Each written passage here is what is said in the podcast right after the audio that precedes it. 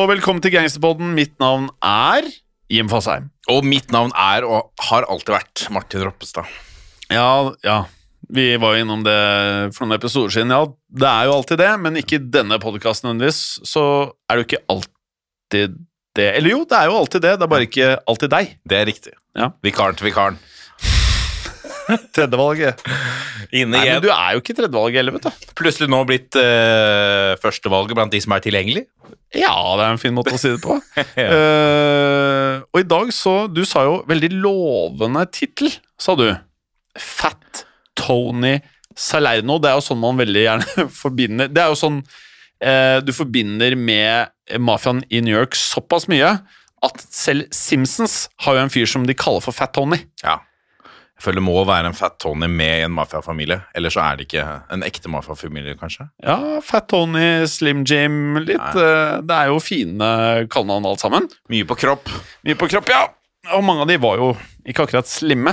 Um, og da har vi egentlig lagt uh, premisset for dagens episode, hvor vi da skal uh, igjen, og det føler jeg en stund siden, vende tilbake til den uh, italiensk-amerikanske mafiaen i New York, uh, også kjent som The Five Families.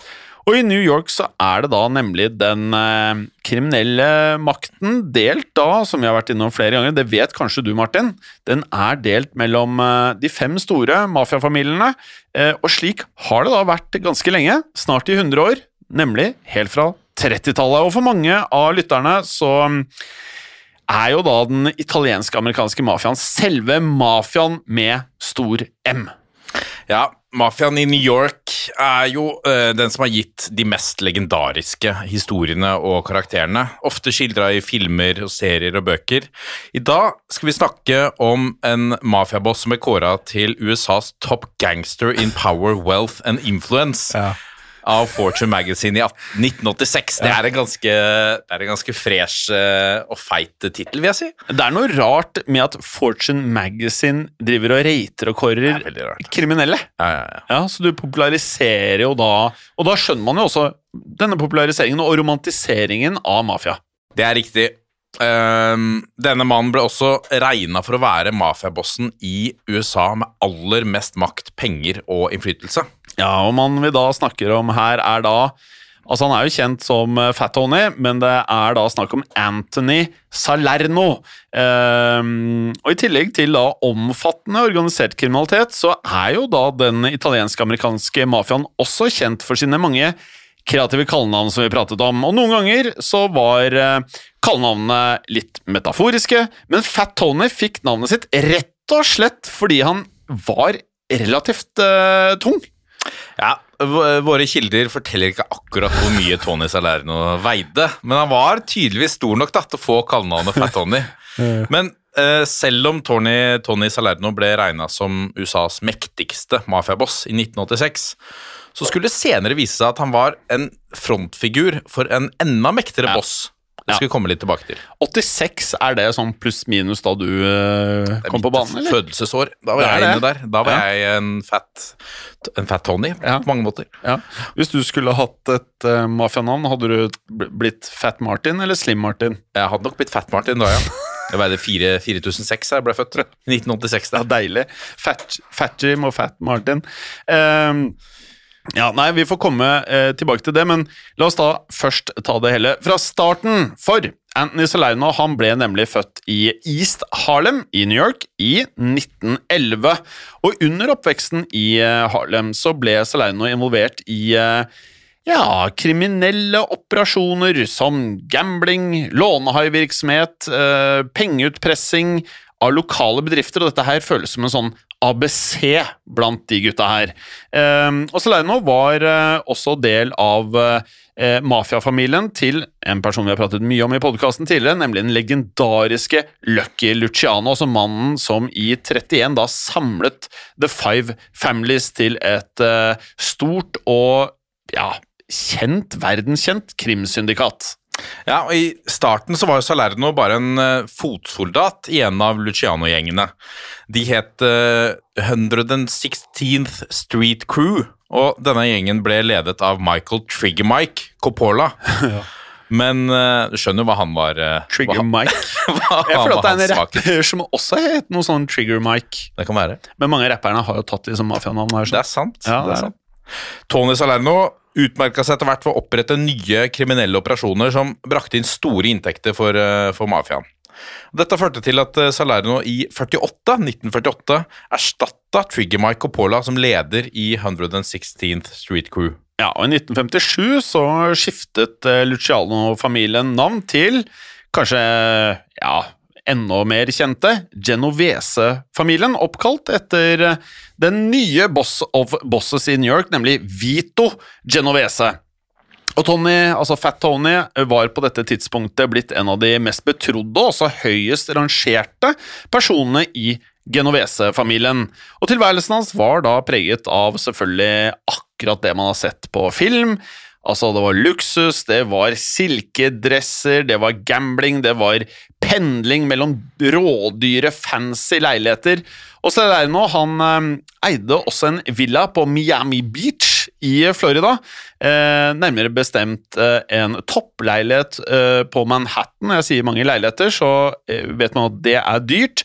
Og sist, men ikke minst, en, eh, altså et gods, faktisk, eh, med egen hestegård. Og det vet man jo, det er jo sikkert litt her inspirasjonen til Tony Sopranos kom fra, interessert i hester han også. Eh, og denne hestegården den var i Rinbeck, eh, etter hva vi kan forstå et fasjonabelt område i eh, New York State.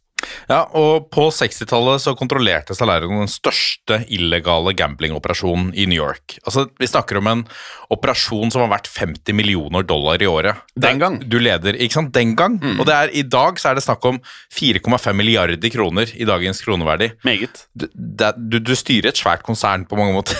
Eh, større enn de fleste. Det vil jeg si. Ja.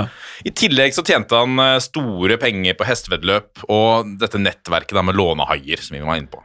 Eh, og noen ganger, jeg vet ikke om du har samme inntrykk, Martin, men noen ganger så føler jeg mange av disse her har hvitvasket så mye penger at de kunne nesten vært legitte, men de liker De liker bettingen, gamblingen, de liker det livet, virker det som, da, utenfra i hvert fall.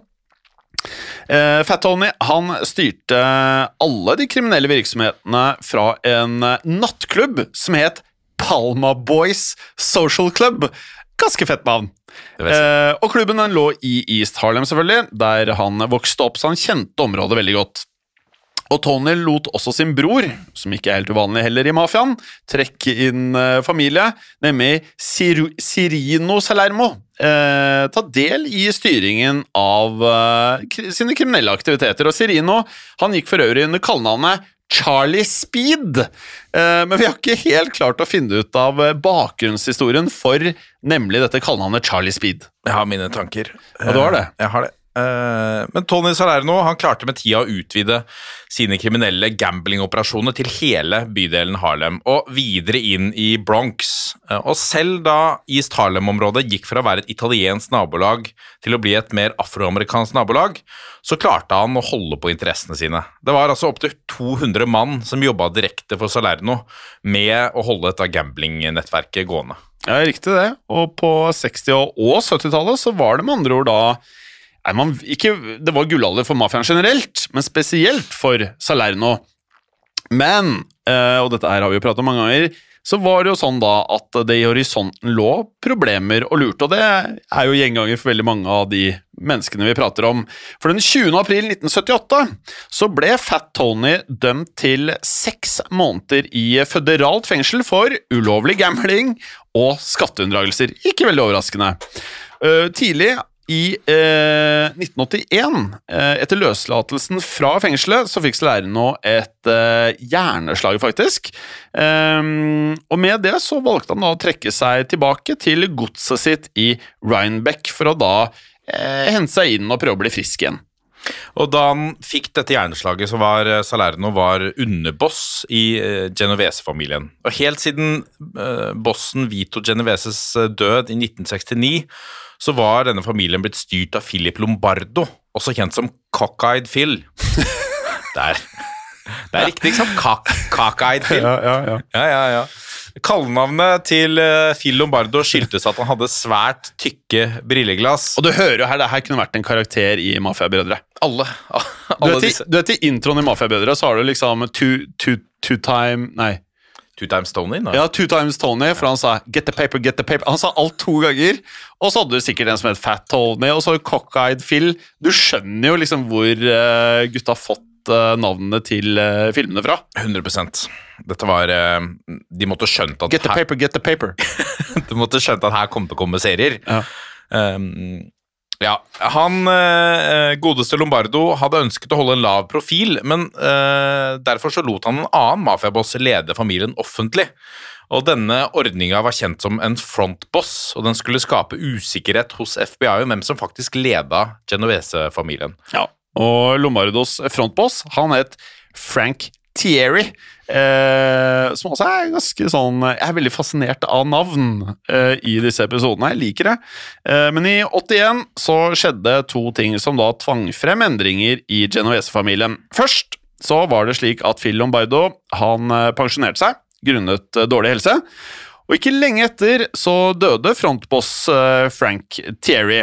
Og Lombardos etterfølger som eh, ekte boss ble da Vincent The Chin Gigante.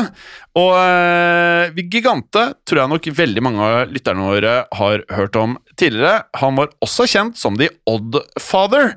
Eh, og vi har da selvfølgelig laget to episoder om The Odd Father tidligere, så sjekk gjerne de ut hvis du akkurat har begynt å høre på Gangsterpodden. Ja.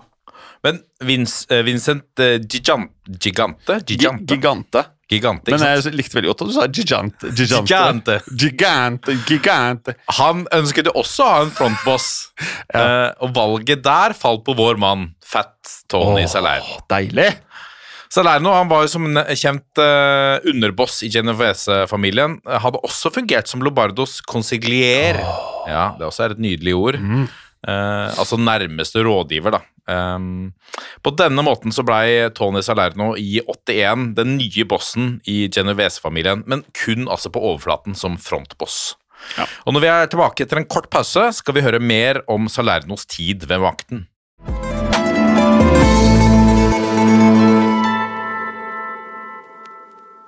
Velkommen tilbake. Før pausen så hørte vi at eh, Fat Tony Salerno i 1981 ble utnevnt til å være frontboss for Vincent Gigante, eller som du sier, Martin, Giganti. og selv om da USAs myndigheter da antok at Salerno var bossen i Genovese-familien, så var det en offentlig hemmelighet i New York-mafiaen at eh, Fat Tony bare var en frontmann for Gigante, eh, den reelle bossen. Og tanken bak det hele var altså å lede FBI på villspor, slik at de da gikk etter feil mann, eh, når de da prøvde å sikte og også dømme familiens boss. Og dette her var jo noe også Tony Soprano gjorde, ved å dytte onkelen sin Junior opp som i gåstegn bossen, mens det var Tony som styrte. Ja, Å være frontboss det var med andre ord en ganske risikabel affære, Ja ettersom han ble et hovedmål for etterforskningen. Og Samtidig også får du mindre kred internt. Ja. Du tar all risikoen eksternt. Men eh, risikoen eh, som medførte her, da skulle Tony Salerno få kjenne på eh, ordentlig noen år seinere. Men tidlig på 1980-tallet så var det meste på stell her for vår mann Fat Tony. Han blei friskmeldt etter hjerneslaget og fortsatte å håve inn penger. Them dollars. Them dollars straight the in the packet pockets. the cheddar. Det- Jeg hører sier det. Og han eh, fikk selvfølgelig også stor respekt da, blant sine mafiabrødre. Ja, selvfølgelig fikk han det. For Salerno var samtidig fullt klar over at eh, The Chin, altså Gigante, var den ekte bossen. Men dette plaget ikke Fat Tony. Tvert imot, faktisk. Han likte å spøke med dette her. Så Salerno han var, eh, han var jo en eh, fyr som var kjent for å ha en god del humor. Om han var god eller ikke, det vites ikke, men uh, ut ifra filmene så er det jo eh, De er jo ganske ufrivillig morsomme, sånn man ser eh, innad eh, Eller utenfra og inn. Um, og dette leder oss da til et helt spesielt julekort av alle ting som Fat Tony sendte ut til sine nærmeste i mafiaen en gang tidlig på 80-tallet. Ja. Og før vi beskriver dette julekortet, så må vi gi lytterne litt kontekst. For i tillegg til sin front på Salerno, så hadde Vincent Gigante en annen måte å beskytte seg på fra FBI. Gigante lot som at han var gal. Ja. Og I flere tiår så klarte Gigante å lure psykologer, leger, dommere, politimenn og FBI til å tro at han var psykisk syk Ja. og totalt ute av stand til å drive en stor kriminell organisasjon som dette. Ja, Gigante, han eh, Og dette her kan dere også høre de episodene vi har laget tidligere. Han vandret ofte rundt i eh, gatene i New York i en eh, skitten badekåpe slash eh, slåbrok. Eh, og der kunne han da finne på å snakke til eh, parkeringsautomater, og til og med da urinere på div offentlige steder. Så det var med andre ord ingenting som tydet på at eh, Han var jo tilsynelatende lurvete eh, der han gikk rundt i gatene. Det var ingenting som ga noe pekepinn på at han var en mektig, organisert mafiaboss. Nei, og mens media, politiet og masse forskjellige eksperter forsøkte å finne ut om Gigante var gal eller ikke, så var sannheten her den var godt kjent i mafiaen sin eh, indre krets. Det må ha vært ganske gøy for de å sitte og følge med på hva bossen deres også finner. Ja. De må ha sittet og ledd når de satt og spilte poker og bare Ja, du gjorde en god jobb, og må lære meg hvordan du gjør det, og bare ledd og kos deg, tenker jeg. Ja, helt nydelig.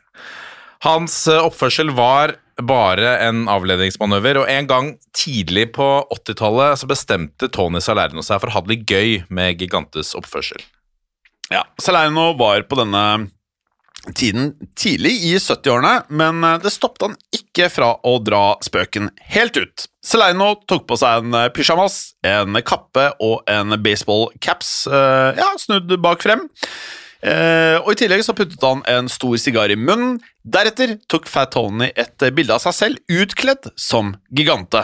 Salerno sendte da dette bildet som et julekort til flere mafiabosser, som uten da uten tvil kunne se at eh, parodierte Gigante, og dermed fikk seg en Jeg vil anta at de lo ganske godt av dette. her. Eh, bildet finnes i dag på nett, og man kan eh, rett og slett eh, google seg frem til dette. her. Så skriv Fat Tony Christmas Card, så er det en høy sannsynlighet for at uh, søkemotorene bruker uh, finne frem. Det er ikke noe tvil om at også Vincent Gigante selv fikk se julekortet fra Salerno. Og selv om Gigante var en alvorlig mann som uh, Han var ikke så glad i useriøs uh, oppførsel blant sine undersåtter, så fikk ikke julekortet noen konsekvenser for Salerno. Uh, Gigante kunne nemlig visstnok sette pris på en god spøk en gang iblant, spesielt fra sin kjære kollega Fat Tony. Ja, Men er du enig i at det høres jo ut som deler av livet for de gutta her er fett, men andre deler virker jo helt sånn eh, hjertet i halsen 24-7. Du må være skrudd sammen på en spesiell måte for å klare å leve de greiene her. Ja, du, øh, som man, har, som man liksom har lært seg og hørt på flere, også kriminelle i andre miljøer, så er på en måte fengsel er liksom ikke noe frykt, det er bare en del av prosessen. Ja, ja, ja. Så du, Bare ikke tyste. ja, så du er jo på en måte skrudd sammen helt annerledes. Ja, ja. Gutta er skrudd sammen veldig annerledes. Um, men som eh, absolutt alt av mafiafilmer, så varte jo ikke moroa eh, for evig for Fat Tony. For noen år tidligere så var det nemlig skjedd noe som verken Salerno eller de andre i Genovese-familien kjente til. På slutten av 70-tallet så hadde FBI nemlig klart å plassere et avlyttingsapparat, en såkalt bug, da, i Fat Tonys hovedkvarter, altså på The Palma Boys Social Club. Og, og utover 80-tallet så hadde da Salernos eh, samtaler rett og slett blitt tatt opp på bånd av FBI. Og I disse opptakene så snakket uh, Salerno åpenlyst om familiesaker, kriminalitet og forretninger med ulike medlemmer i Genovese-familien. Inkludert høyt rangerte mafiamedlemmer som Matthew Matty the Horse Ianello. Salernos sjåfør og bestevenn Vincent Fish Cafaro. Ja. Og til og med bossen i Lucchese-familien Anthony Tony Dux Corallo. Tony Ducks. Tony Dux. Åh, the Fish, Matty the Horse. det, det er jo Du må jo ha tenkt Det er jo en viss humor i denne Ja, gjengen, det er jo helt konge. Det er jo fett. Eh, Vi må nesten få kallenavn, vi også. Det er riktig. Ja, må det. lytterne til å sende inn. Ja, send nå inn, da. Litt ka- kallenavn til gutta. Ja, Det er sikkert noen Mafia-generator på nett som man kan fikse det Jeg tror det? Ja, det tror jeg. Ja, kanskje. Men eh, det, vi må nevne her også at bilen til Corallo, en svindyr Jaguar, der Corallo ofte snakket business, var blitt avlyttet i flere år. Så det var Ja. flere eh, folk her som ble avlyttet av FBI. Altså. Ja, det var krise for dem. I februar 85, altså 1985 så ble all informasjonen fra FBIs eh, avlytting brukt til å tiltale Fat Tony og de andre bossene i New Yorks Five Families. Og de fem bossene utgjorde nemlig The Commission, altså mafiaens overordnede organ. I The Commission så ble det da tatt store og også viktige beslutninger for hele syndikatet, det vil da si for hele New York-mafiaen, rett og slett. Denne rettssaken mot uh, mafiakonvensjonen begynte i september 1986 og ble avsluttet i november samme år, så ikke så lang som en del av de andre rettssakene vi har uh, sett og hørt om. Nei. Tony Salerno ble sammen med fem andre New York-bosser dømt under de såkalte RICO-lovene, som var et lovverk som ble vedtatt i 1970. Det var uh, skreddersydd for å fengsle ledere i kriminelle organisasjoner. I januar 1987 så falt den endelige dommen mot Fat Tony Solano. Han ble dømt til 100 års fengsel. Ja, og de derre RICO-lovene Der jeg må nesten Hvis noen av dere som hører på nå, husker hva den dokumentaren heter Jeg vet ikke om det er Netflix eller HBO, det er en av disse streamingkanalene som har en veldig interessant dokumentar om hvordan de kom opp med disse eh, RICO-lovene. Det er veldig, veldig interessant, altså. Så hvis dere kommer på det, ta også del det gjerne i eh, Facebook-gruppen som vi har sammen med Historiepodden og Historiepodden Annenverdenskrig, skrig, blant annet, som heter Historie for alle. Gjerne link til dokumentaren hvis dere har det. Eh, uansett, da, i kjølvannet av eh, rettssaken som du nevnte, Martin, så valgte Fat Tonys gode venn og medspiller gjennom mange år, da, altså The Fish, altså Vincent Cafaro, ikke Gigante, eh, å bli informant for FBI. Og The Fish han avslørte at eh, Fat Tony kun var en frontmann for den andre Vincenten, altså Vincent Gigante. Men dette hadde ingen effekt på Fat Tonys fengselsdom, siden han da var blitt dømt for eh, spesifikke forbrytelser, ikke for å være leder for Genovese-familien. Og Vincent Gigante fortsatte for øvrig som boss for uh, Genovese-familien til langt ut på 90-tallet, til tross for at han ble arrestert og fengsla i 1990. For uh, Tony Salerno så gikk det verre. Etter han ble dømt og fengslet, så ble helsen hans mye dårligere pga. diabetes og mulig prostatakreft. Og den 27. juli 1992 så døde Tony Salerno på Medical Center for Federal Prisoners i Springfield, Missouri. Riktig, det. Og Fat Tony han ble da omsider gravlagt på St. Raymond's Cemetery i Throgs Neck-delen av Bronx i New York City.